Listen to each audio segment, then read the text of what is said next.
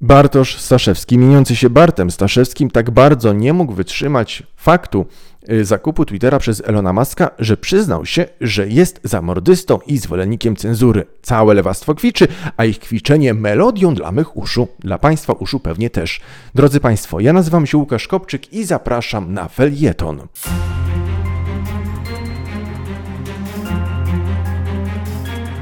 Najpierw neguje Bart możliwość istnienia wolności słowa. W drugim zdaniu nie sprzeciwia się wolności słowa, ale odwołuje się do ograniczenia mowy nienawiści, dezinformacji i toksycznej komunikacji czyli de facto opowiada się za cenzurą.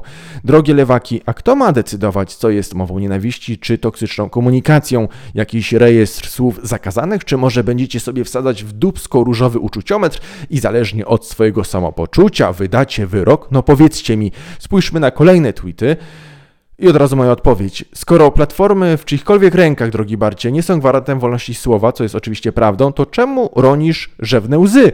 Jesteś przeciwnikiem wolności słowa, a zarazem płaczesz nam tu, że nie ma wolności słowa. No i najlepszy tweet z podznaku mógł te pieniądze przeznaczyć na coś innego, w tym przypadku na wojnę na Ukrainie.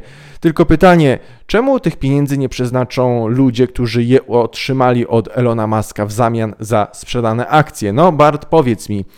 Gdy usunięto profil Konfederacji na Facebooku, Lewica mówiła: prywatny właściciel może robić co chce, zróbcie swoją platformę albo kupcie yy, wolny rynek. Dodawali: teraz zapomnieli bidaki o tym wolnym rynku.